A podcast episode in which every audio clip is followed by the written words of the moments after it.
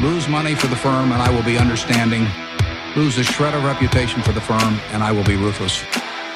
I welcome your questions.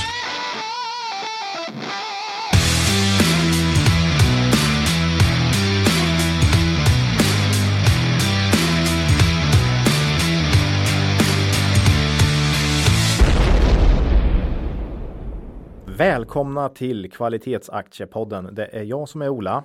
Ja, och det är jag som är Klas. Eh, Det här är avsnitt nummer 51 som spelas in torsdagen den 2 oktober. Nej, den 3 oktober är det idag. Ja, Ja.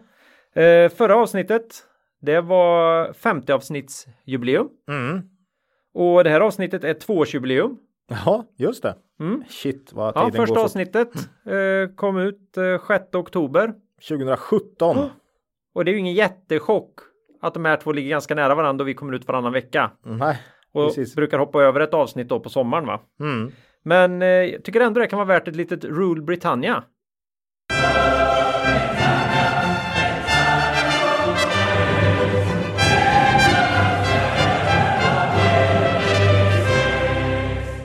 Så, då har vi firat in, firat in det.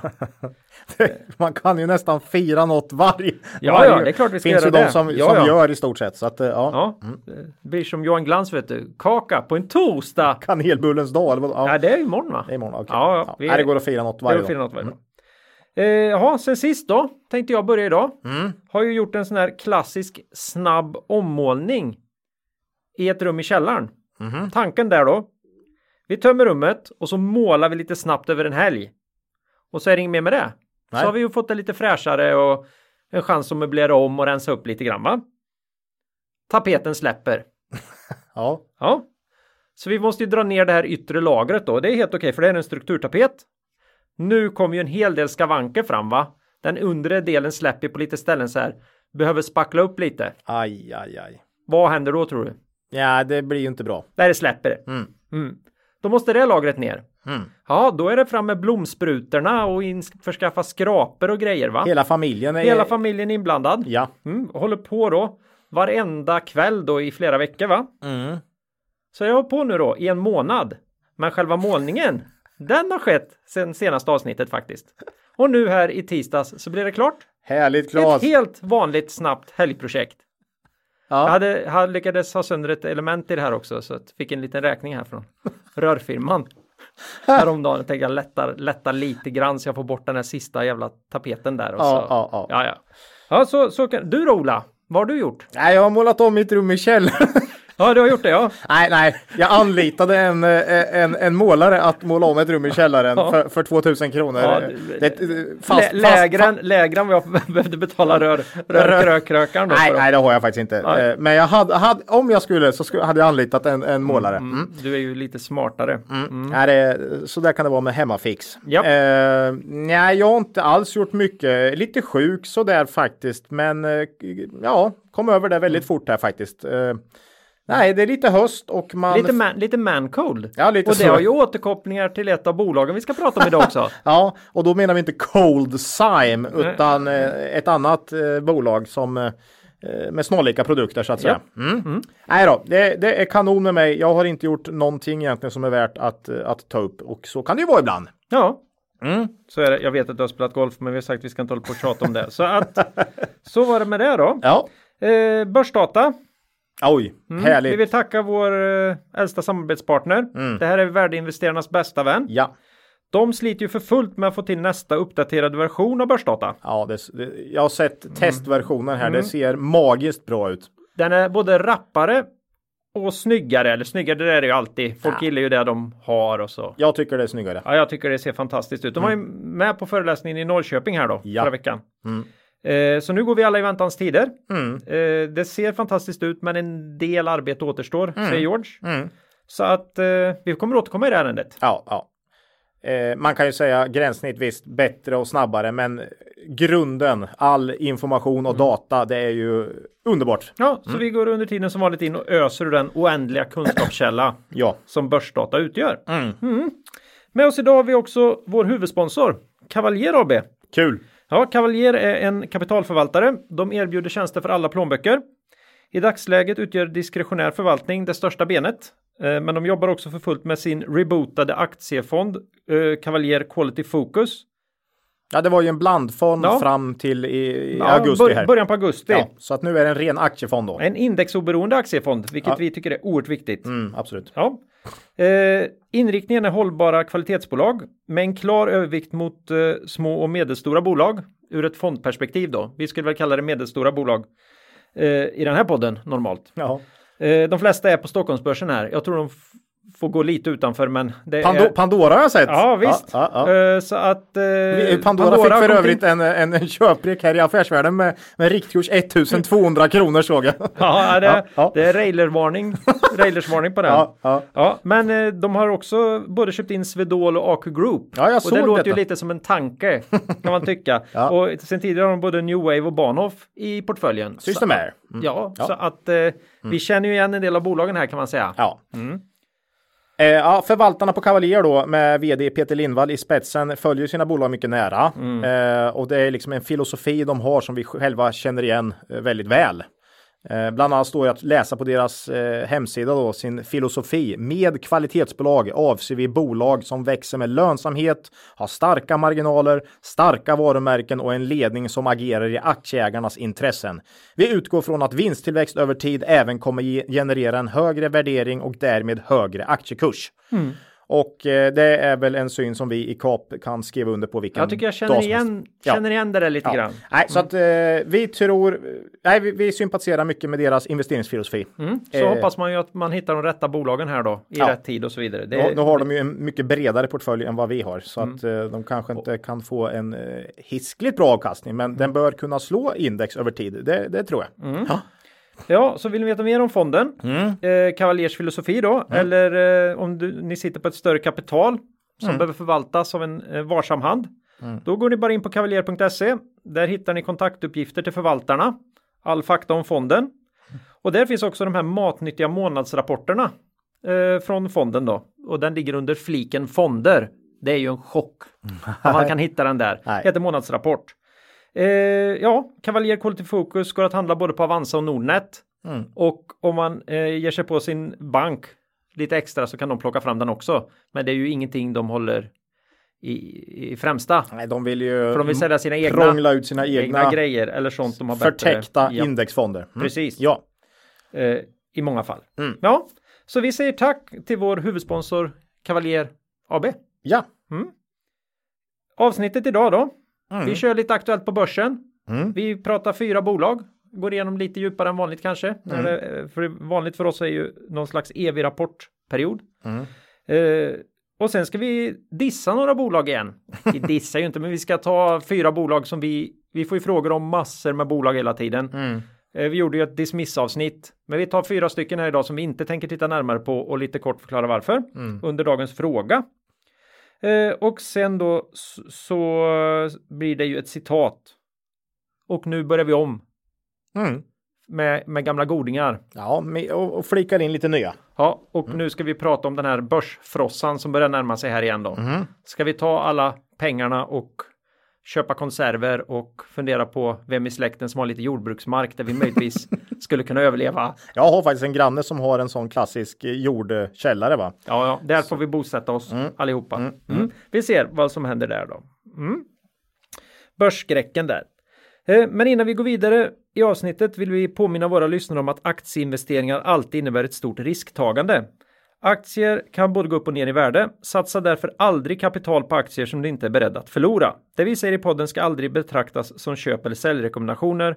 Gör alltid din egen analys av bolagen innan eventuell handel. Ja. Aktuellt då, Ola. Vi drar igång bolagsgrejerna direkt här.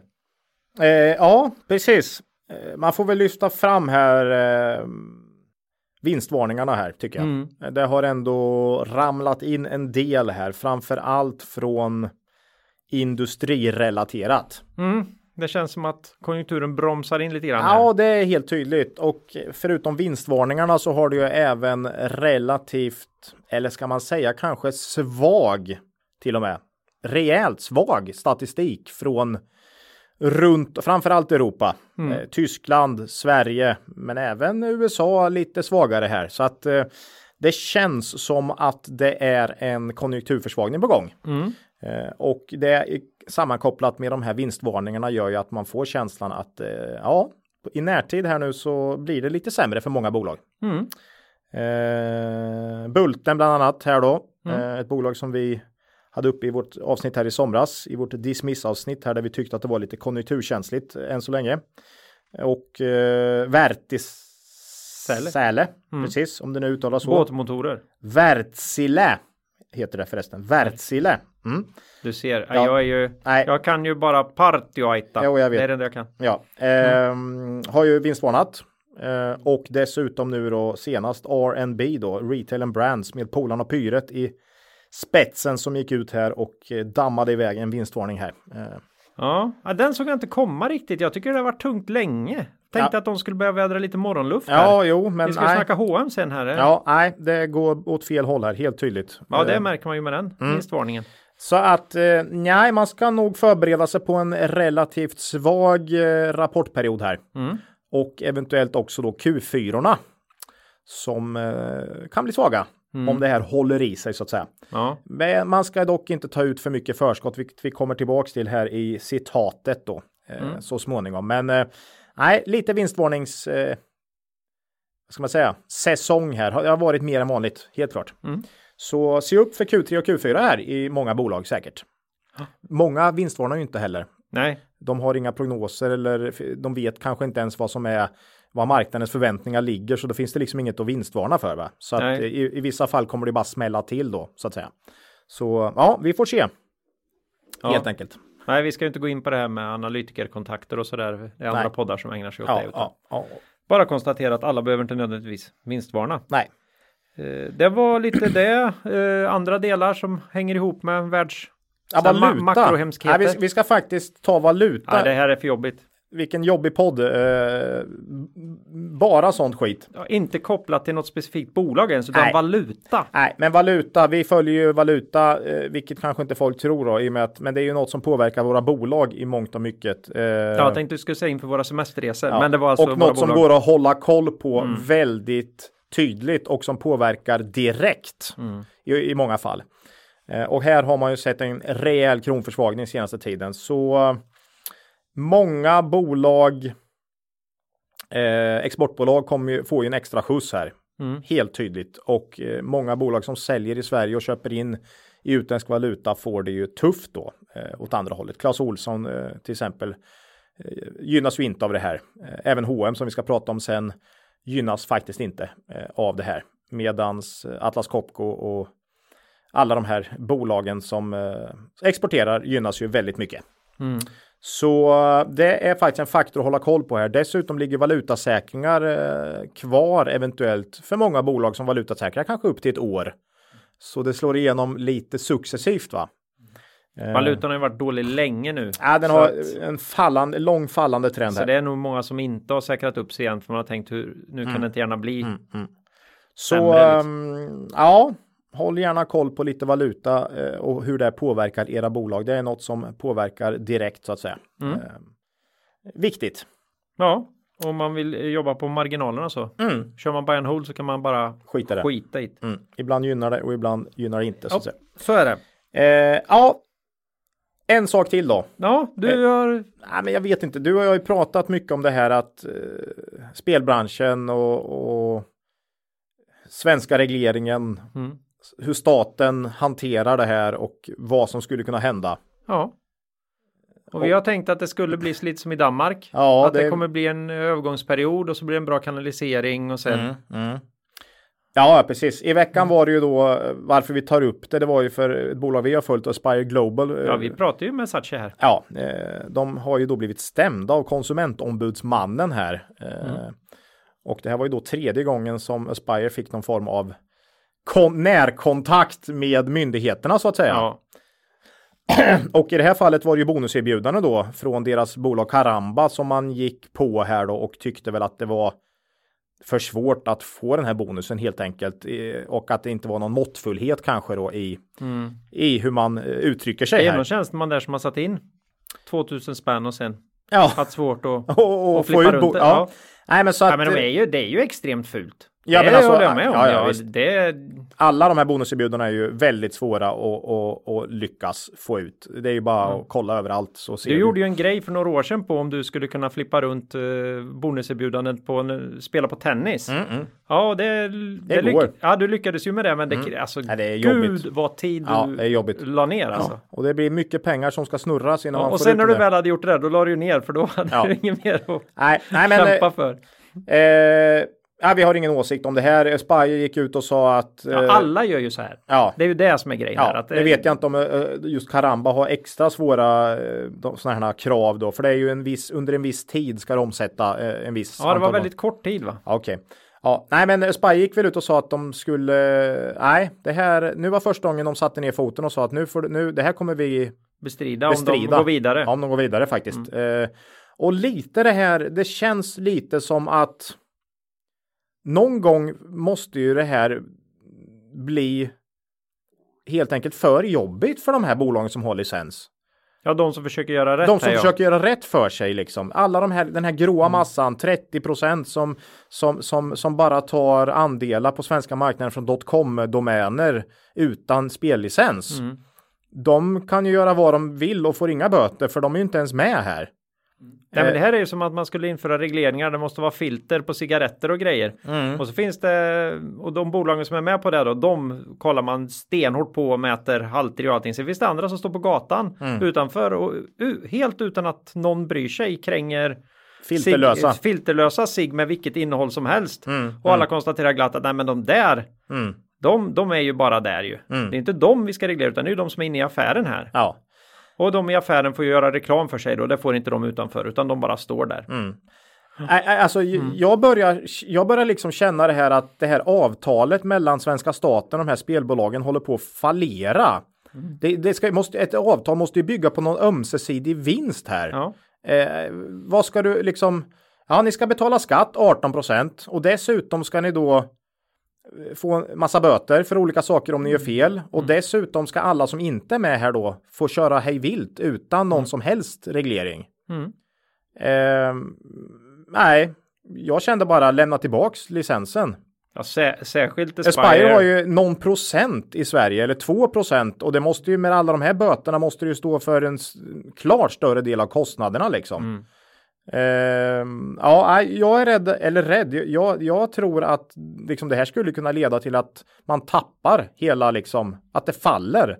För spelbolagen inte tycker det är värt Ja, att men det som kommer hända är ju att vi får en, en eh, det här blir som spritförbud, alltså förbudstiden så att säga. Det Mm. såldes mer alkohol än någonsin. Det var bara att du gy- gynnade ju alla de fulaste krafterna i samhället. Ja, Men, men på pappret som politiker då så kunde du slå dig för bröstet. mm, Och det, och det fanns ju naturligtvis ingen alkoholreklam på stan så de som tyckte det var för jävligt slapp ju det då. Ja. Och det är samma sak här då att du får ner reklammängderna i tv Mm. och det räcker väl för vissa politiker Mm. att det tycker man är verklig politik att mina, mina väljare slipper få eh, karamba-reklam i ansiktet här nu. Mm. Vad skönt för dem samtidigt då som inte gör ett skit åt spelmissbruket eller kanske till och med Det blir värre för Det att alla spelar för från finns .com. ing- ja. ja. Eh, nej men det, det, det, Plakatpolitik. det, det skulle i alla fall hä- hända om, man lämna, om, om många lämnade det här systemet. Det är ju att eh, tv-reklamen går ner för de, de får inte göra reklam. De, Nej, att, Nej men det är eh, den effekten man får. Ja, ja. Eh, Aspire, just Aspire har ju dessutom lämnat då, både Australien och Italien på grund av att de tycker det är för dålig payback och lönsamhet Mm. efter. Så varför ska de inte göra? Ja, nu är de i och för sig noterade i Sverige, men egentligen det är ju så pyttelite av deras omsättning. Så mm, ja, det, Sen är en stor del av deras affärsidé då att de vill vara på reglerade marknader. Mm, De vill vara med och bidra. ja. Men nu, nu börjar man till och med Nej, eh, nöta ut dem. Ja, jag tycker det börjar bli larvigt här Mm. eh, från statens håll här faktiskt. Eh, vi får se vart det tar vägen, men eh, det känns lite som att det här avtalet, ni betalar skatt och sen får ni agera här medan andra inte får det. Den, det håller på liksom att det, det, det, det fallerar. Ja, det kan vara bra att veta. Vi är inte ägare här i dagsläget Nej. i Aspire Global. Nej, om någon inte. sitter och funderar på det. Nej. Vi är upprörda av den. Mm. Nej, vi är bara upprörda av någon form av eh, det, det känns inte fair. Det är mer det. Sura medelålders gubbar. Ja. Mm. Anledningar. Mm. Så är det. Så är det. Det var lite aktuellt. Ja, det var mycket aktuellt faktiskt. Det blev en lång, eh, ett långt Ja, snack. men vi har ju bara fyra bolag idag. Hur Ja. skulle det möjligtvis kunna bli en lång podd? Ja, det, Det har ju aldrig hänt Nej. förut. Eh, H&M mm. Det är ett litet klädbolag inom detaljhandeln. Inom detalj, ja, ett litet inom, ja, jo visst, mm. jättebra. De var med senast i avsnitt 35 från den 7 februari. Mm. Får vi se hur länge vi kan få prata om dem tills eh, Karl-Johan har, har tillräckligt med pengar för att köpa ut hela skiten här. Han, de, han lånar ju i bolaget och delar ut till sig själv här. Ja. ja. Hennes och Maurits. Eh, så hatat och så utskällt bolag har man väl det var länge sedan jag, jag faktiskt har sett eh, förra årets drev mm. mot eh, Carl Johan eh, Persson och hans bolag. Ja, du brukar kalla dem KJP, det, det gör ni som är lite inne, ja. innefolket. Ja. Nej, analytikerna har, har ju verkligen tävlat i att sätta lägst riktkurs. Alltså det var ju när Carnegie gick under 100 spänn tänkte man att nej men nu går det. Men de fortsatte bara sänka. Nu är ju aktien i ungefär 200 spänn va. Mm. Eh, fonder har övergett aktien. Det finns ju mm. knappt en storfond som har H&M längre och, och media har satt krisrubriker. Andra poddar har ju fullkomligt spottat på Carl-Johan Persson. Va? Mm. Eh, vi som en av de få medierna har alltid faktiskt ändå trott på bolaget och Carl-Johan Persson. Eh, även om vi då inte har ägt aktien. Ja, du brukar alltid prata om att du inte riktigt vet när vändningen kommer komma. Nej, men vi mm. tror på det. Ja. Eh, och eh, det får man väl ändå säga att man börjar känna att H&M börjar vända skutan faktiskt nu. Så äh, jag tycker vi har eh, stått upp för H&M här i den här kollektiva mobbingen. Ja, mm. nej, det har inte varit riktigt snällt. Jag är ju inte jätte. Jag gillar inte riktigt det de gör när, när det här med att de lånar i bolaget när de inte har täckning för det för att nej, kunna för dela att, ut. För att hålla uppe det, utdelningen. Ja, det, det mm. borde inte vara lagligt, men annars så, ja. annars så tycker jag ju fantastisk bolagsledning. Ja, eh, aktien idag också då en av vinnarna plus mm. 7 procent. I år är aktien upp 50 procent. Tänk de fonder som hade ja. köpt in den här. Men det är ju eh, klassiskt. Alltså det här var ju redan intecknat också. Det har ju redan vänt. Mm, mm, Man, mm. Lite ljusning i förra rapporten. Ja. Ja, det är fantastiskt. Eh, Q3 här då, omsättning plus 12 procent, lokala valutor dock bara 8. Mm. Det är ju valuta här som, som gynnar dem mm. på omsättningen såklart. Eh, ebit plus 26 procent. och eh, bruttomarginalen lite förbättrad faktiskt, trots då en motvind i valuta. Mm. Um, antalet butiker ökar ju nu betydligt långsammare än vad det har gjort. Och uh, steg med 2,7 procent här i Q3. Uh, och uh, det gör ju att lönsamheten blir bättre. Man ökar antalet butiker mycket lägre än vad den totala omsättningen stiger. Så det är en like for like här som, som är positiv och dessutom online plus 30 procent. Mm. Från det här klassiska att vi vägrar att berätta hur mycket det är naturligtvis. ja. Men det är, någonting är upp 30 procent. Ja. Ja. Nej men de droppar väl det på någon kapitalmarknadsdag. Ja jag vet, jag, jag för mig det var ungefär 10 procent ja, nu. Eh, det eh, borde vara någonstans 10 procent. Så då kanske uppe i 13 procent nu då? Ja vi får se, mm. kanske. Ah. Mm. Det andra står ju stilla eller väg. Ja, jag vet inte. Ja, ja kanske. Vi, vi får se. Jag, 12 gissar jag på. ja. Mm. Eh, Gissa online hm podden här. Ja, mm. precis. Mm. Och varulagret då, det här som eh, nu, nu måste nedskrivningen komma. Nu måste, det har man ju snackat ja. nu i, i, flera år. Nej då, nu faktiskt sjönk varulagret för första gången på ja, någonsin kanske. Jag vet inte, men det sjönk faktiskt i lokala valutor. Ja. Så, ingen avskrivning utan de har kränkt inga, grejerna. Inga avskrivning, man, jag vet inte, man verkar få ut det här eh, på något sätt. Eh, man kanske har sålt eh, en stor post med vita t-shirts till New Wave. har, du, har du någon insider på det? Eller? Man eldar ju upp skiten. Vet. Ja, det, vet ja, då man, ja, men då kanske man måste skriva av. Ja, det är väl så. Om värdet redan är noll på något lurigt sätt. Nej, jag vet inte. Släpp eh, det. Det mesta tycker jag ändå tyder på här, liksom sammantaget att H&M har vänt skutan. Eh, mm. Starkt jobbat får vi säga. Och tvärt vad 95 procent av alla förståsigpåare eh, trodde. Mm.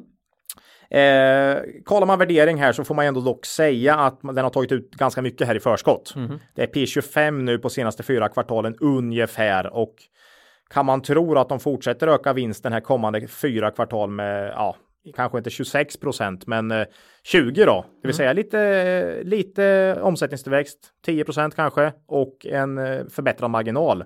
Så är det P21. Um, ehm, och frågan är vad ska aktien handlas till här då? Det känns, det känns faktiskt lite som om H&M har fått en slev av det här defensiva aktierallyt nästan. Ja, lite ICA här nu då. Ja, faktiskt. Mm. Alltså, det är inte Alfa Laval, det är inte Sandvik. Ja men H&M vet du, det är ju ett gammalt klassiskt defensivt bolag. Mm. Det kan vi nog köra upp lite. Så att jag tror faktiskt, för det är ju inte särskilt konjunkturkänsligt. Om man Nej. har tittat historiskt. Eh, Billiga kläder. Och gudarna ska veta att ägarna har köpt också så du, någon tror ju på det uppenbarligen. Ja, ja. Ehm, ja, kan man hålla en omsättningstillväxt kommande år på liksom vad de ligger nu, 8 procent, eh, kanske är rimligt. Man har legat där senaste 10 åren också. Mm. Ehm, och lite förbättrade marginaler, då kanske vinsten stiger 10-15 procent per år i några Mm. år. Vad ska man säga? Global närvaro, stabilitet i sämre tider. P18 då? Kan jag kanske dra upp det till om jag är snäll? Det är väldigt snällt. Ja, jag tycker nog med tanke på då Ica och Axfood och det här. Det är så, ja, Mm. ja, men det är så stort. Ja, jo, men eh, stabilt kontracykliskt då. Eh, ja, Ja, du får de närmsta åren. mm. P18. Vi tar det. Då är det fortfarande för dyrt med P21, men visst det. bolag brukar värderas ganska högt i så kallade vändningar då, för det är ju väldigt svårt att veta kraften i det här. Ganska vanligt att man underskattar kraften också, så att jag kan ligga alldeles för pessimistisk där i vad jag tror. Eh, och vad gäller utdelningen här då som du var inne på så är, kanske man till och med kan klara konststycket här att inte tvingas sänka utdelning och behålla den här obrutna sviten sedan 1974 va? Eller vad, Ja. vad det nu är. Eh, men det är ju konstlat nu. Eh, men om något år kanske vinsten är över utdelningen igen va? Så att man, man, har, man verkligen tjänar mer än vad man delar ja, ut. Ju stora pengar här så att Ja. det går fort. Direktavkastning 5 eh, betydligt bättre än ICA. Så att om man fortsätter göra den kopplingen så kan säkert H&M eh, motiveras. Mm. Eh, nej, jag fortsätter säga som jag sagt. Vi gillar och tror på H&M och eh, ja, det ser ut som att de vänder det här. Eh, värderingen är lite för hög dock för att vi ska köpa, men eh, ja. Intressant att de verkar vända. Ja, Och, hej, det, och heja Carl Johan Persson får vi säga då. ja, det finns alltid vi, vi ska inte vara en av dem som, som rankar ner på honom så att säga. Ja, jag gjorde ju det innan här nu då, så det sabbar hela grejen. Men Ja. Mm. eh, jag som företagsledare och ja, fantastiskt. Nej, jag vill, hoppas att fler än vi eh, ger honom en klapp på axeln här nu. När... Och nu inser jag att när jag sitter och pratar om vilka som köper och så här, jag blandar ihop hela familjen, Perssons ägarfamiljen. Ja, okej, jag det ser ju- dem som en, Ja. en enhet Ja. så att inte någon behöver bli alldeles för upprörd i något mejl eller så. Mm. Eh, Jag tror att de pratar med varandra. Bra gjort H&M säger vi. Bra jobbat! Starkt jobbat. Bra! Eh, ett bolag som varit med väldigt många gånger då, H&M, går vi till ett nytt. Ja, det är Du har, ju, roligt. ja, du har ju verkligen skrapat fram något här eh, under, det är från en, lyssnare. under, under en sten i skogen skulle man nästan kunna säga. ja. Nej, det är från lyssnare också. Ja, vi vi är- försöker ta lyssnarbo, alltså Ja. så mycket som möjligt. New Nordic Health Brands. Ja. De här säljer naturpreparat för diverse kroppsnära ändamål och det är allt från rena skönhetsprodukter Mm. till multivitamin och såna här grejer. Och här, här har jag ju då tänk, tanken, har man tur kan man kanske få med sig en positiv placeboeffekt i alla fall, eller vad tror du Ola? Ja, eh, vi ska ju inte sticka under stolen med att vi har något svårt för just produkterna här då. Eh, ingenjörer och, och lite vetenskapsbaserade som vi är.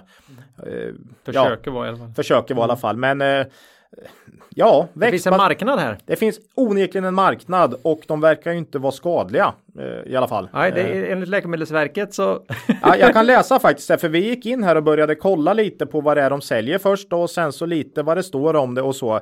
Det här är växtbaserade kosttillskott eh, och eh, hälsoprodukter. Det är liksom, eh, men även för skönhet, hälsa, hår, naglar och sådär va. Ja. Eh, örter är det ju baserat på eh, natur, till stor del. Ja, naturläkemedel. naturläkemedel. Ja, ja. Fast det får de säkert inte säga. Nej, det vet jag inte. Nej, men vi, vi, tar den här Active Legs då.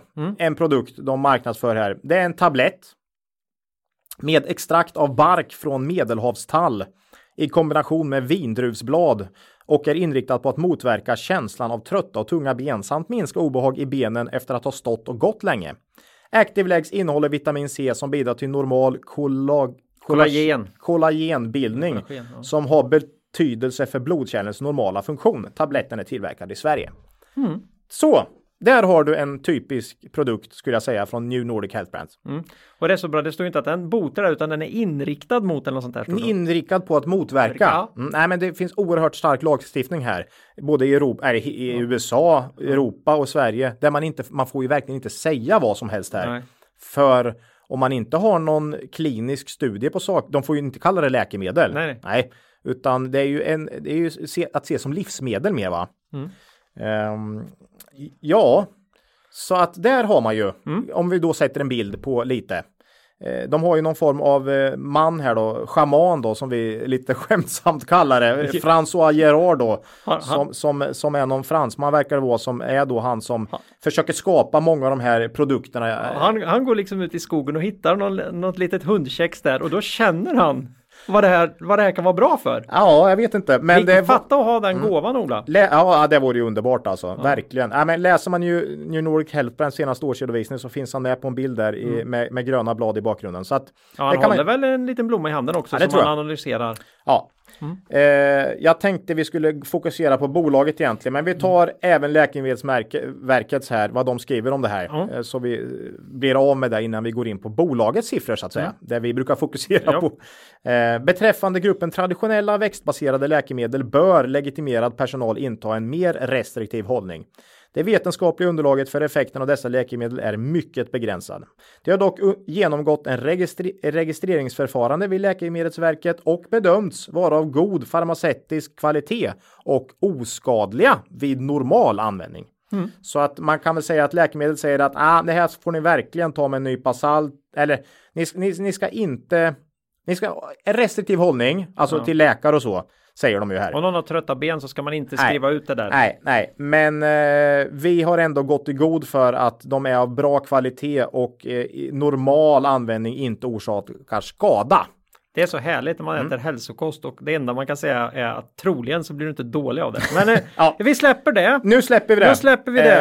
Eh, Ja. Och jag säger placebo till exempel. Det kan vara bra. Ja, och mycket möjligt att det räcker att man tar ett sånt här och Jag tror ju på på det. paracetamol. Det funkar kanon då. Ja, eh, även om det inte finns kliniska studier. Du Ja, och jag det, har det kört... lär ju inte verka på de, på de exakt 30 sekunderna det tar för mig när jag känner effekt från Nej. att jag har svalt en tablett. Nej, nej. Det tror jag knappast. Nej, så att man ska Ja. absolut inte underskatta den saken. Nej, nej, placebo är och- alltid bra. Coldsime har ju både du och jag testat och använt och, och det var ju, det är väl inte, de har ju fått sin slev här nu. ja, Det- på senare. ja, och Vita i Pro är ju lite samma grej här va, det är väl mot eh, Åldrande i stort skulle jag vilja säga. Ja, de har ju blivit ganska nedskrivna här också. Så att man ska vara försiktig med att Vi struntar i det nu. Det här är den typen av produkter som man inte kan kliniskt bevisa att de har effekt, men de säljer väldigt bra. Och det gör de över hela världen. Inte bara då New Nordic Health Brand, utan den här marknaden är gigantisk. Den var jättestor. Den var så stor så jag kan inte ens komma ihåg hur stor den bedöms, bedöms att vara. New Nordic Health Brands har en halv miljard i omsättning. Globalt så är den här marknaden hisnande 1200 miljarder. Ja. Men då är frågan hur mycket av det Ola är mald tigerpenis i Kina? Vet du det? Nej, det känns som att asiaterna gans, har en ganska stor del här. Ja, är jag, är, rä- jag är rädd för det. Ja, men eh, ja. Eh, och det finns faktiskt inte New Nordic än. Fatta vilken, I expansions. Mm. vilken expansionsmöjlighet. Nej, precis. Eh, för i- just i dagsläget så står faktiskt Norden för 40, övriga Europa 35, Nordamerika 23, resten 1 procent. Så att eh, här har du Kina då, faktiskt, eh, som en tänkbar expansion då för dem. Eh, man har faktiskt väldigt bra historik senaste sju åren. Finns ingen jättelång historik här, så sju år då, omsättning i Det är snitt alltid något. plus 11 procent i snitt. Bra. Och eh, ja, man har en omsättning nu på 450 miljoner ungefär. Vinsten har gått från i stort sett noll till marginaler på cirka 9 procent i dagsläget. Man har lyckats höja bruttomarginalen väldigt fint. Produktmix skriver man. Eh, ja, man har blivit bättre på att ta ut högre marginaler på de produkter man släpper helt enkelt.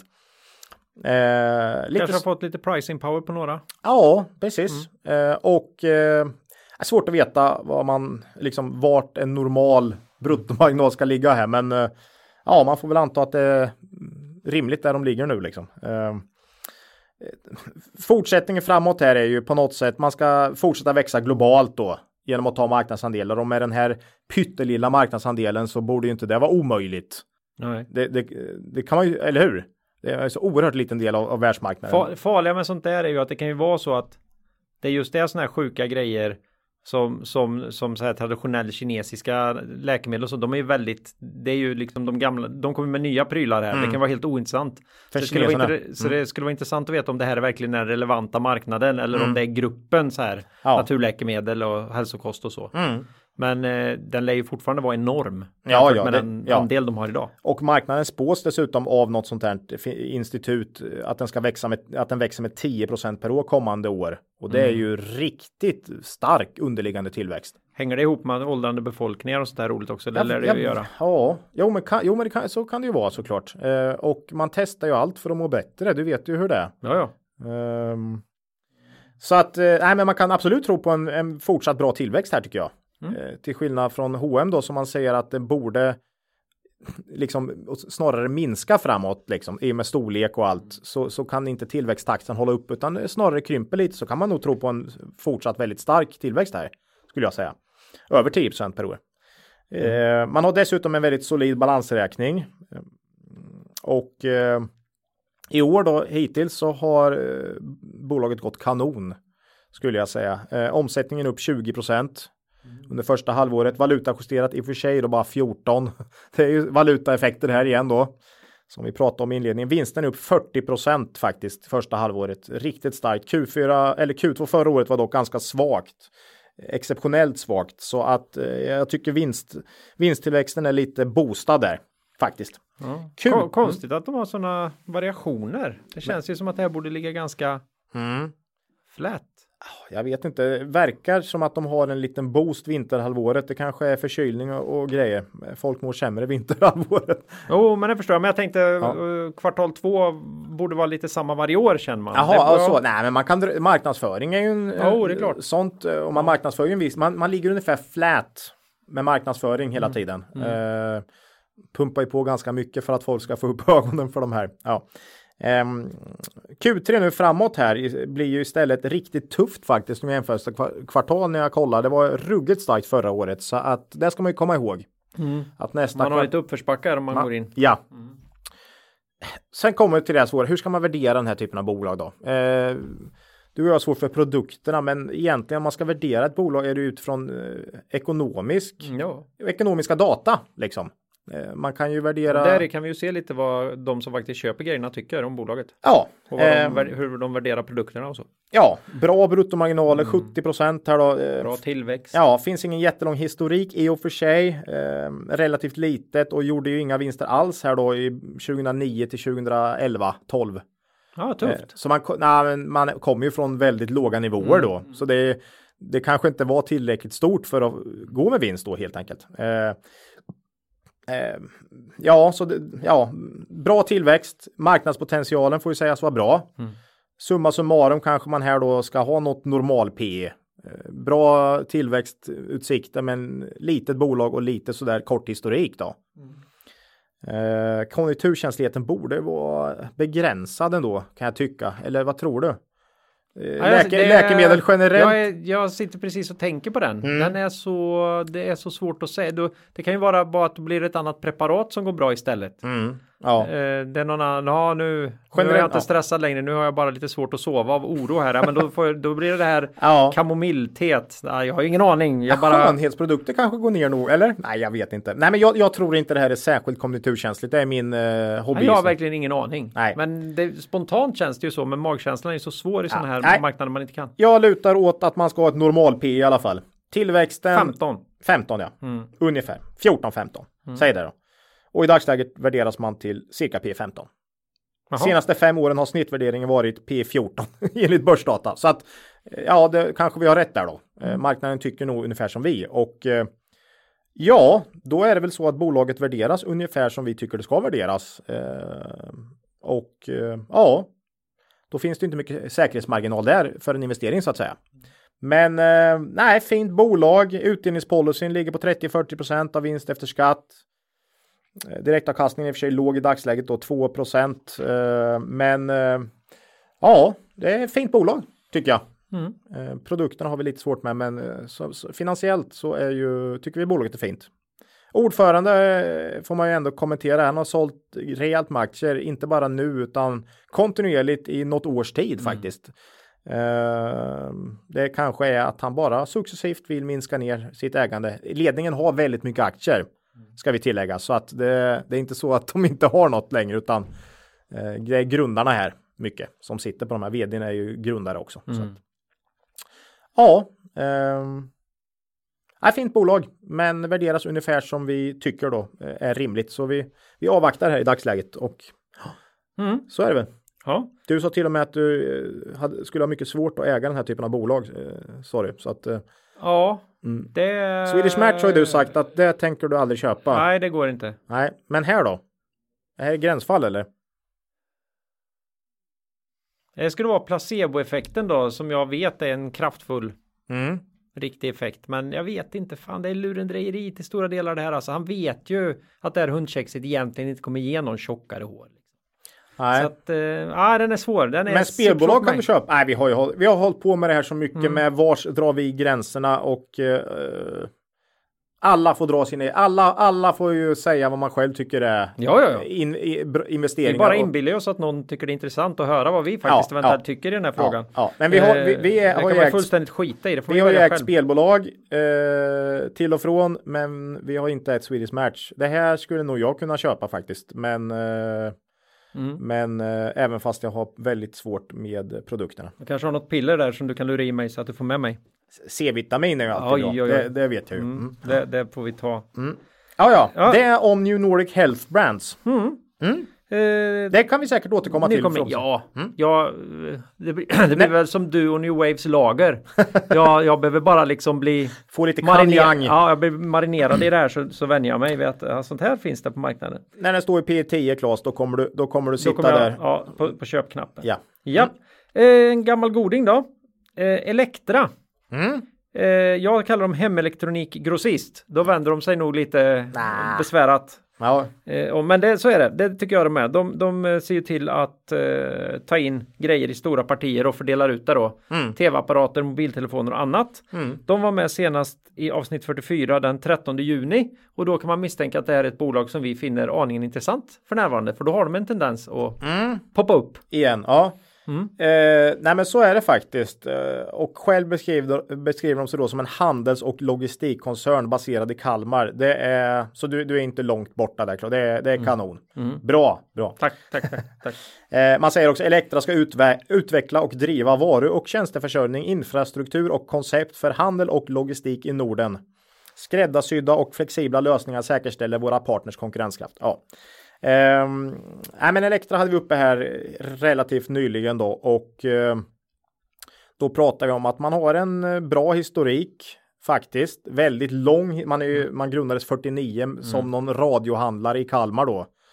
Eh, och eh, senaste tio åren så har man vuxit med i snitt 6% per år så man tuffar på. Man har dock eh, höjt sina finansiella mål till plus 10% per år för några år sedan här så att man hoppas nog på en eh, större tillväxt faktiskt än, än så. Eh, man jobbar ju med ganska låga rörelsemarginaler här. Ja, lövtunna brukar vi prata om. Ja, senaste tio åren har de ju pendlat mellan 1 och 3 procent med ett snitt på drygt 2 då. Mm. Eh, Och just nu är marginalerna faktiskt nere på de här historiskt låga då, strax över 1 procent i marginal och det har historiskt alltid varit bra lägen att köpa Elektra, eh, för det har varit bottenår. Sen har det vänt upp igen faktiskt. Eh, Inte säkert att det blir så den här gången, men eh, kollar man senaste 18 åren så har det varit så några gånger och då har det vänt upp igen mot 3 och då får du en exceptionell vinsttillväxt. Det är ju, det är ju 200 procent upp på vinsten om eh, du går från 1 till 3 procent då. Ja, om du klarar av att hålla Ja. omsättningen. Precis. Eh, det är inget vi tror på eh, snabbt här, men, eh, men eh, så har det varit historiskt i alla fall, att de har pendlat mellan 1 och 3. Sist vi pratade Elektra såg vi också att jag hade gått tillbaks 50 vinst, eh, kollat 50 senaste kvartalen och alla kvartal med vinst. Trots de här låga marginalerna. Och du tog upp en lite kul liknelse. Ja, men det var som du sa att eh, de konstaterar att det, har, det går lite billigare mobiler igen. De här, eh, de här finaste segmenten har blivit för dyra så att det har börjat bli en större marknad för de lite lägre prissatta mobilerna igen och då går ju deras omsättning ner. Men de har ju ungefär samma marginal oavsett om det är en svindyr eh, iPhone eller om det är en billigare Samsung kanske det är. Ja, jag- jag ja, jag vet, vet ja. inte, jag kan Mm, inte de här. mm. Så, så, så- då tänkte jag det är ju e-work all over again så att säga att, att omsättningen är inte jätteviktig här utan det är lite underliggande här. Man måste ha koll på så att säga. De, de kommer tjäna sina pengar oavsett. Nej, Alltså, ja, e-work pendlar mellan 1 och 2 procent rörelsemarginal. Här har du 1 och 3. Eh, visst, båda har ju en del fasta kostnader, men de är ganska lite i förhållande till den totala omsättningen. Mm. E-work är ännu mer tydligt såklart. Ja, men, ja. Men, men det finns faktiskt en, en lite intressant liknelse där tycker jag. Mm. Eh, just att omsättningen är så jättestor i förhållande till de fasta kostnaderna så att mm. de kan tappa lite omsättning utan att det går ner på minus så att säga. Och de vet ju redan vilken marginal de har när de gör affären. De köper ju inte in någonting själva innan de har sålt i nästa led. Nej, lite så ja. Så att eh, mm. Nej, ja, det är bra liknelse där faktiskt tycker jag. Eh, nu har man faktiskt i år här då fakt dessutom då eh, tillkännagivit lite intressanta grejer. Eh, EM Home köpte man för, förra, ja i vintras då. Mm. Eh, och det är ju franchise, man köpte ju själva eh, varumärket mm. och, eh, och så. Och sen så är det ju butiker anslutna mm. via franchise då. Och där börjar man ju då bygga upp ett lager och ska tillhandahålla möbler så mm. att nu är det inte bara eh, elektronik längre faktiskt. Scary, men Scary. säkert bra. Ja, mm. det är en, fortfarande en liten del av deras. De jobbar säkert på samma, exakt samma sätt där. Att... Ja, det är mm. lag. Det, nu har man första gången rört sig utanför Kalmar också. Man har, mm. bygger upp ett lager i Växjö nu. Så uh, möbler har man börjat bygga in på. Dessutom har man ju då eh, jobbat ganska hårt med ett eh, ett samarbete man tillkännagav här i våras med Elon. Mm. Och Elon är ganska stora faktiskt och det säger man också i rapporten här i Q2 att man har jobbat ganska hårt med det samarbetet i våras mm. eh, nu i år då. Och eh, nu såg jag här att i Q3 ska man börja leverera hemelektronik till Elons 50 butiker i Norge och det är ganska mycket för Elektra faktiskt. Så är lite intressanta grejer.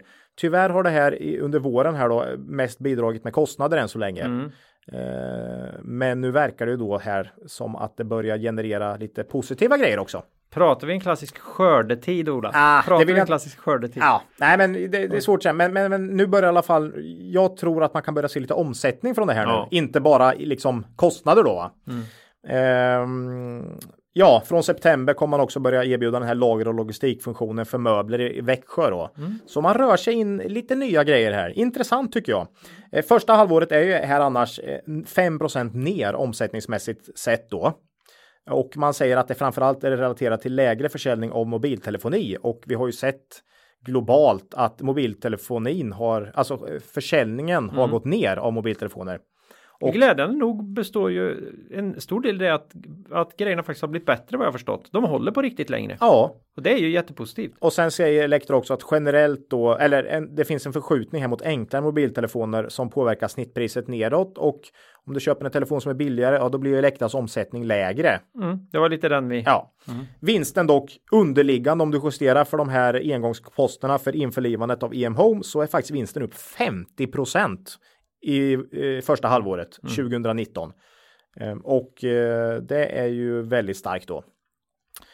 Eh, nu släpper ju faktiskt iPhone eh, sin 11 eller har släppt i september såg jag mm. och förra var ju ingen riktig succé. Jag vet inte hur den här blir, men det är ändå något som ändå kan dra lite omsättning här tror jag faktiskt för Elektra. Eh, borde göra det. Bara det faktum att man inte vet är väl ett dåligt tecken. Det känns inte som att de riktigt får samma uppmärksamhet i media och så här. Och Nej. Förr var det ju alltid det här eh, uh, folk som stod och köade i i ett dygn innan den, utanför den här butiken innan den skulle släppa nästa mm. modell och så här. Så den hypen har ju. Ja, den har släppt. Den har ju släppt. Ja, ja.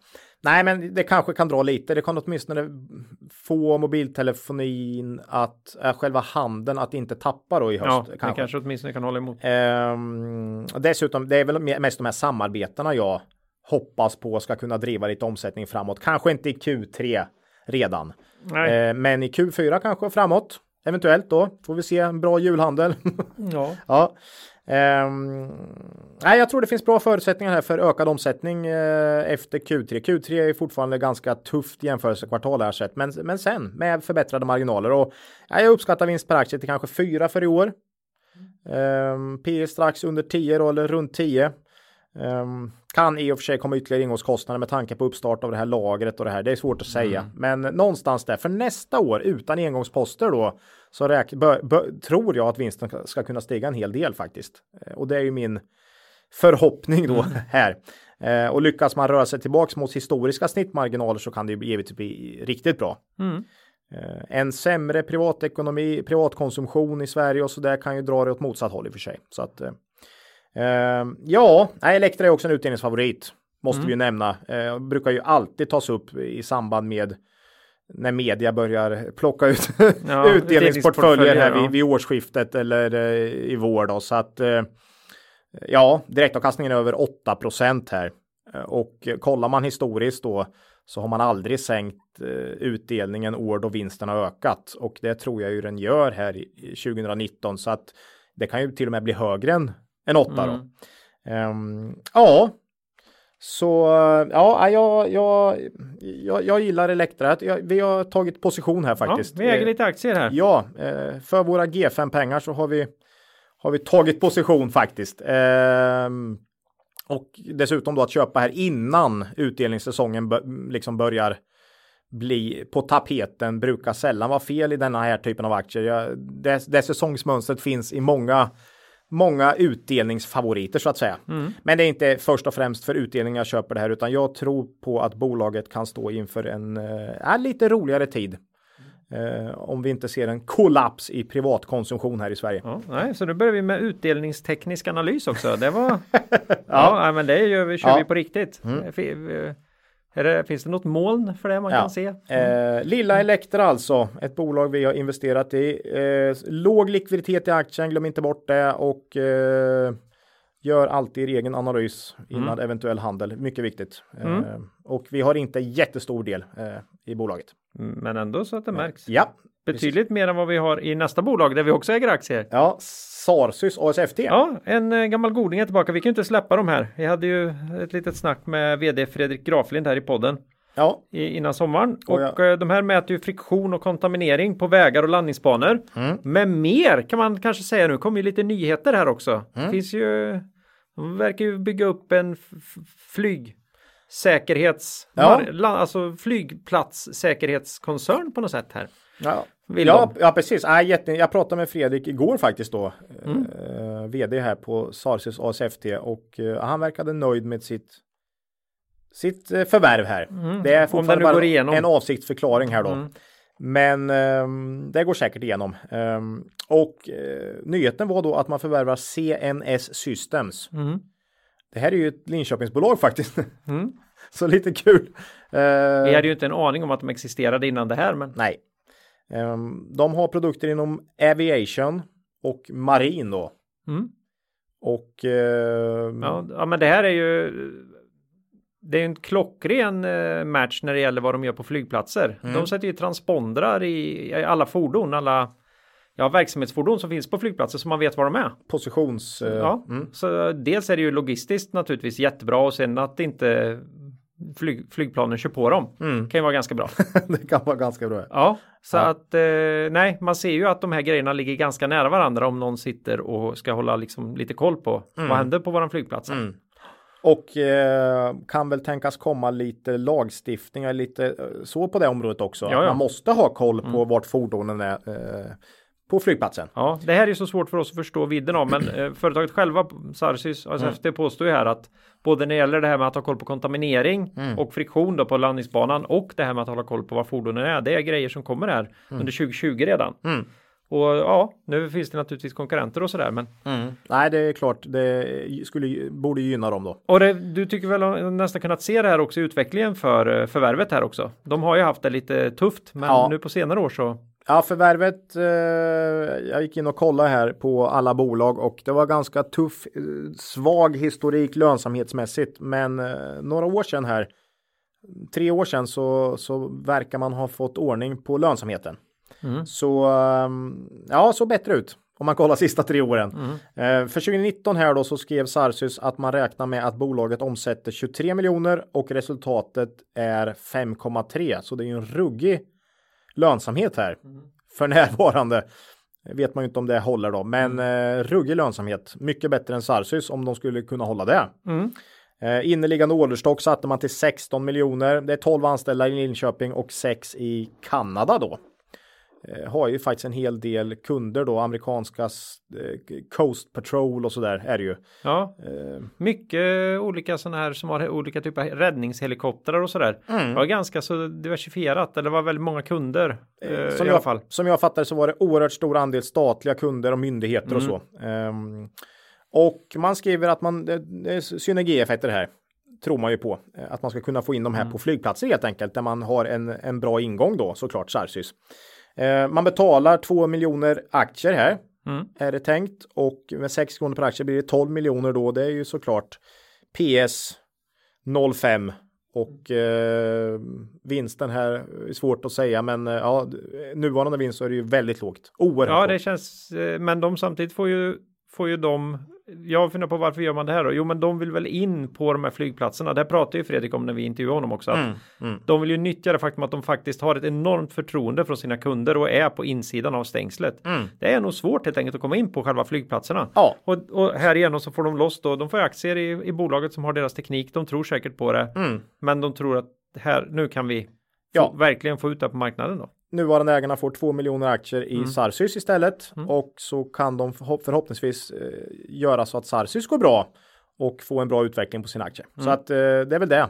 Cash tror jag aldrig de hade fått, eh, fått loss det för det för. Men eh, nej, det vet jag inte var de ska få tag i dem riktigt. Nej, nej, nej inte det heller. Men mm. eh, mm. ä, nuvarande ägarna hade nej, nej, nej, nej, för då nej. hade de inte sett någon uppsida så att säga. Nej, nej. Eh, nej det känns billigt faktiskt. Det gör det verkligen billigt. Eh, annars då, så om vi kollar eh, hur Sarsius har gått det första halvåret så ja, sist vi pratade om det så skissade vi på 90 miljoner för 2019 då mm. i omsättning.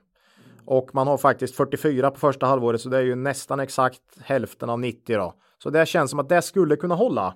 Och man har väl i stort sett fyllt de här Ja, orderböckerna är ju fulla säger eller, de. Nej, inte, ja. Eller eh, verkstäderna, verkstäderna är, fulla. är, fulla. De kan fortfarande kränga andra prylar och system och grejer ja, naturligtvis. Men, eh, men man har liksom att göra hela Några 2019. mer friktionstestare kommer inte komma ut i år i alla fall. Men det de har kommer säkert på. börja Q1 nu då. Förmodligen. Och fylla på i. Men, nej, men det, alltså jag tror våran omsättningsprognos vi snackade om här. Du, som du och jag skissade mm. på. Den håller fortfarande helt. Mm. Det är halva Hälften mm. på första halvåret. Ja. Eh, vinsten dock, så snackar vi om ebit på 10, där är, där är den ju bara då inom situationstecken 4 då.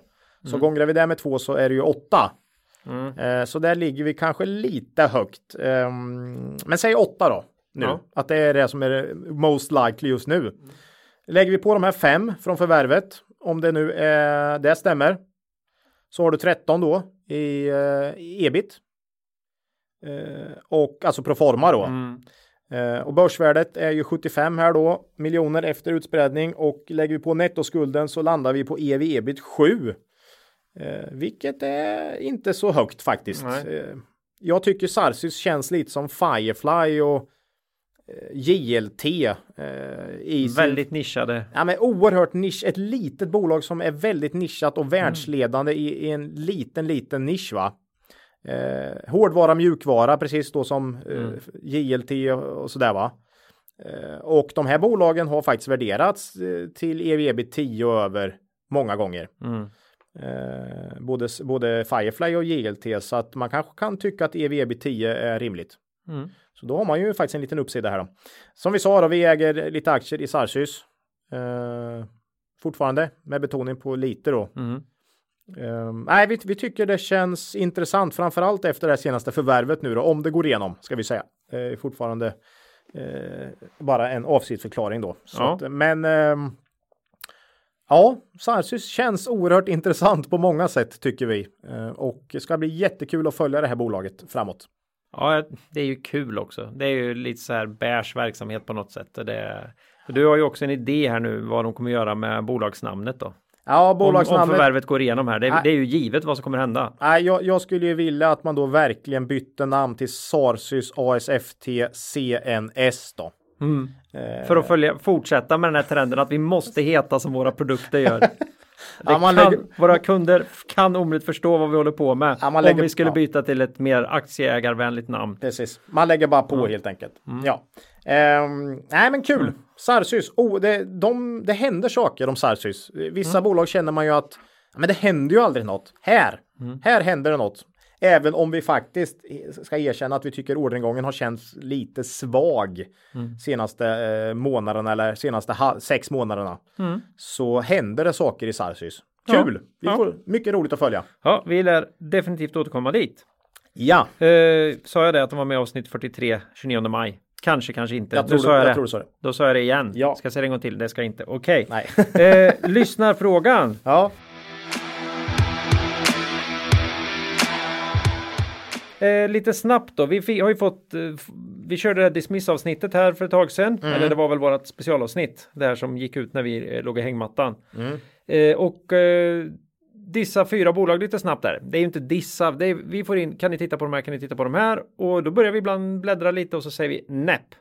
Och då tycker vissa att det är intressant att få reda på varför säger ni näpp då? Varför kollar ni inte vidare på det här intressanta bolaget? Ja, och då tar vi dem. Ja, vi tar fyra stycken lite snabbt här då. Ja, det är bo- bolag vi har bara har eh, gått, kollat på börsdata och ratat utan att eller, eller att valt att inte gå vidare, eh, fördjupa oss på grund av olika Man kanske har anledningar. hu- hunnit tysta upp någon liten kvartalsrapport eller något också. Sådär, och lite. Möjligt, Men, ja. men inte gått på djupet. Nej, absolut inte. Nej. Eh, och då börjar vi med eh, Incap. Det här är en kontraktstillverkare inom elektronik från Finland. Vad Mm. är felet på dem Ola? Alldeles för svag historik. Det var min, de har förluster senaste å- eh, tio åren och, och nej, jag, jag, jag, jag tycker det, den historiken är alldeles för svag för att Mm. eh, orka ägna tid. Nej. Eh, så är det. Mm. Eh, Arctic Paper då? Eh, de här tillverkar premiumpapper för tidskrifter och utskrifter. Ja, här var det också väldigt svag historik. Lite bättre senaste åren såg jag, men, nej, men fortfarande liksom för kort. Men det är därför vi får frågan. För Ja. att man ser att nu vänder det upp här. Det ramlar ur någon screener någonstans. Ja, men så är det ju. På någon, på någon börsdata kanske. Eller P, sånt där. P8, ja men Ja, eh, ja. vad händer om det blir låg, eller vad det nu är. Liksom. Eh, nej men för, De verkar inte ha någon pricing power här direkt. för svag historik även här, så exakt Ja. Mm. samma. Och jag tror det gäller nästa bolag med. Ja, de heter Generic Sw- Sweden. Mm. Någon slags IT-bolag här, har lite konsulter och tjänster. Och bland annat inom säker kommunikation. Eh, Nej, för svag historik även här. Kolla 10 års eh, där på börsdata så förstår ni säkert Ja. vad, vad jag menar. och sen kom ju en liten sån här eh, inneaktie, var det för några år sedan i alla fall, Hexatronic. Ja, inte för svag historik. Nej, utrustning för optisk eh, fiber till bredbandsnät. Vad är problemet med dem då? Nej, här tycker jag värderingen i kombination med vinsttillväxt här är eh, Är det P, P25? P, P30, P30. och eh, ja, faktiskt över P30 på börsdata såg jag. Men Mm. eh, P30 och en stillastående vinst per aktie senaste fem åren. Det får jag inte att gå ihop. Bolaget, jag, jag, var, jag var fa- faktiskt tvungen att gå in för de har ändå en fin historik så att säga. Eh, Om man drar ut den längre än de senaste fem, Ja. fem åren. Eh, det verkar som att man är inne i en fas där man måste ut utanför Sverige nu för att kunna växa. Man har en väldigt stor del här och eh, det ger ju möjligheter här. Lyckas man med det så kanske P30 är hållbart, men det skapar ju också en viss osäkerhet. Det är ju du vet ju hur det gick för Claes Olsson då när de skulle in i England va. Men eh, eh, inte, inte den, kop den kopplingen är inte relevant i och för sig. Men, eh, men det är Ja, alltid men det kan alltid vara svårt. Nej, men det är alltid en osäkerhet när du ska från din hemmamarknad och gå ut. Mm. Ehm, så till P30 tycker jag liksom inte den. eh, nej, det, det känns. Det känns inte tillräckligt intressant helt enkelt. Nej, Eh, här måste det finnas någon slags politisk risk också misstänka att Mm. eh, det är väldigt viktigt för sån här, sån här verksamhet hur, hur stater hur viktigt de tycker det är att det blir Mm. utbyggt såna här grejer. men eh, Ja. de första tre för svag historik, Hexatronic för dyrt då. Så kan vi säga. Mm. Eller för högt PE. Mm, så kan vi säga.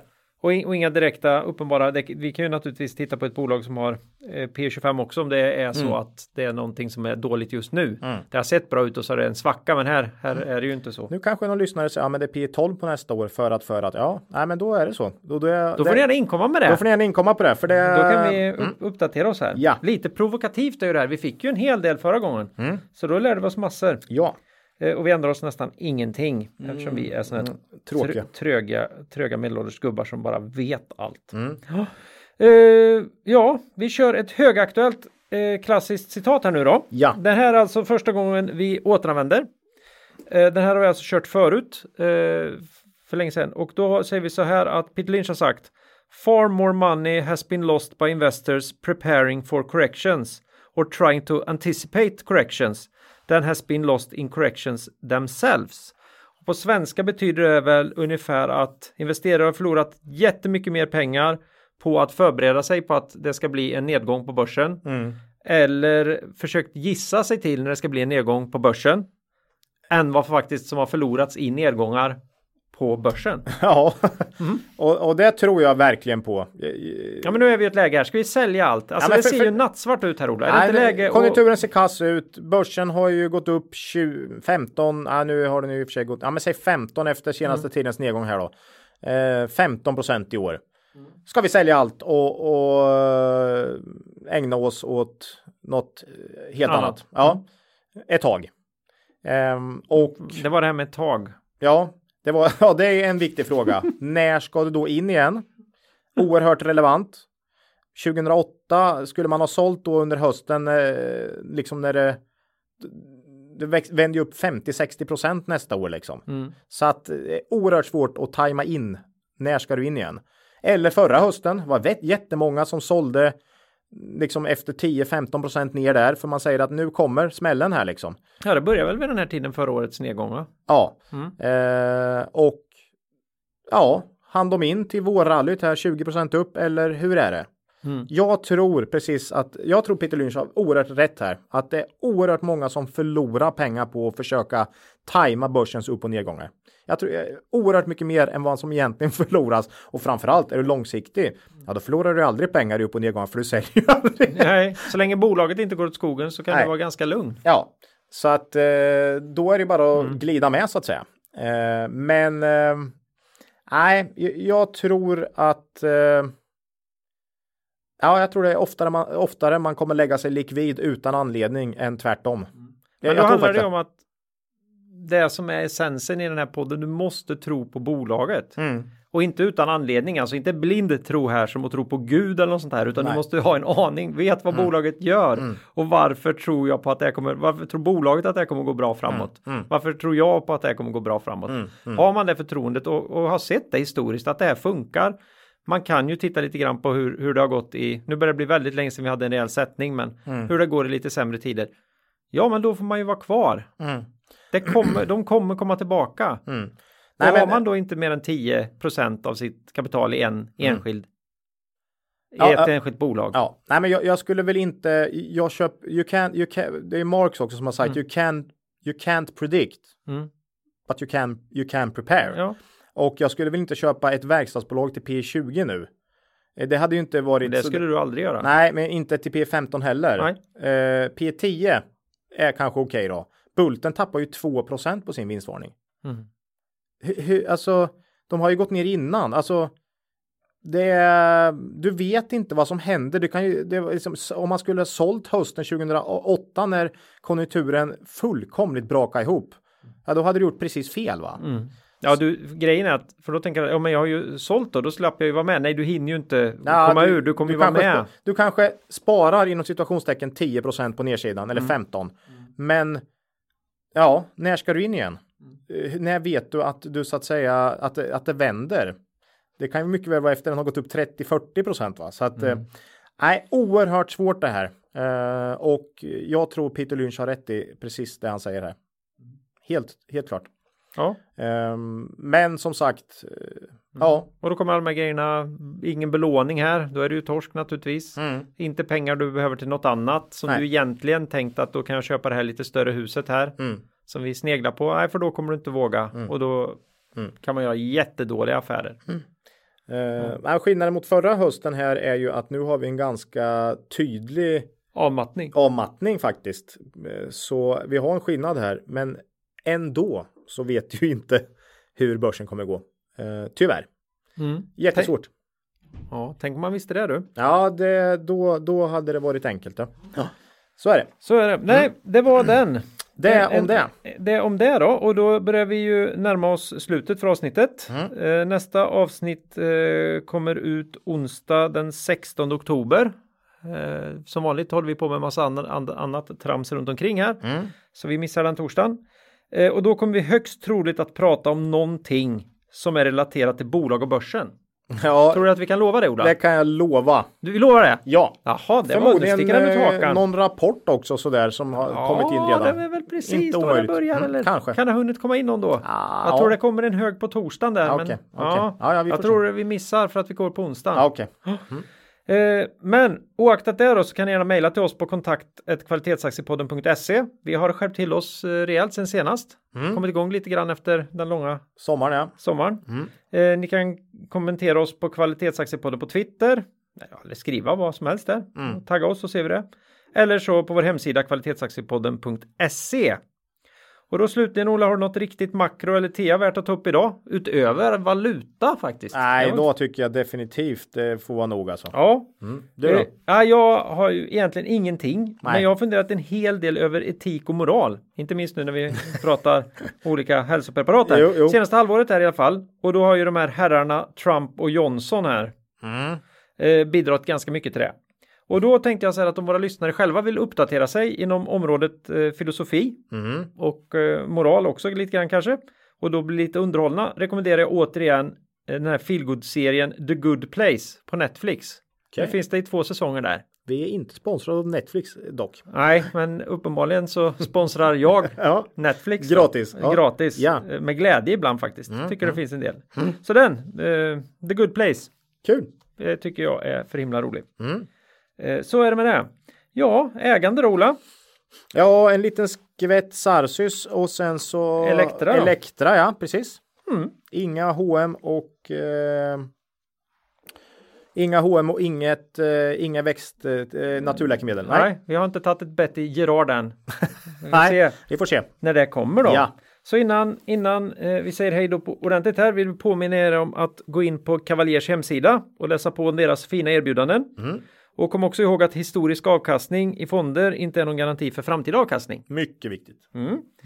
Eh, så då säger vi hej då för den här gången. Och kom ihåg att Det är först när tidvattnet drar sig tillbaka som du får se vem som badat naken. Lose money for the firm and I will be understanding. Lose a shred of reputation for the firm and I will be ruthless. I welcome your questions.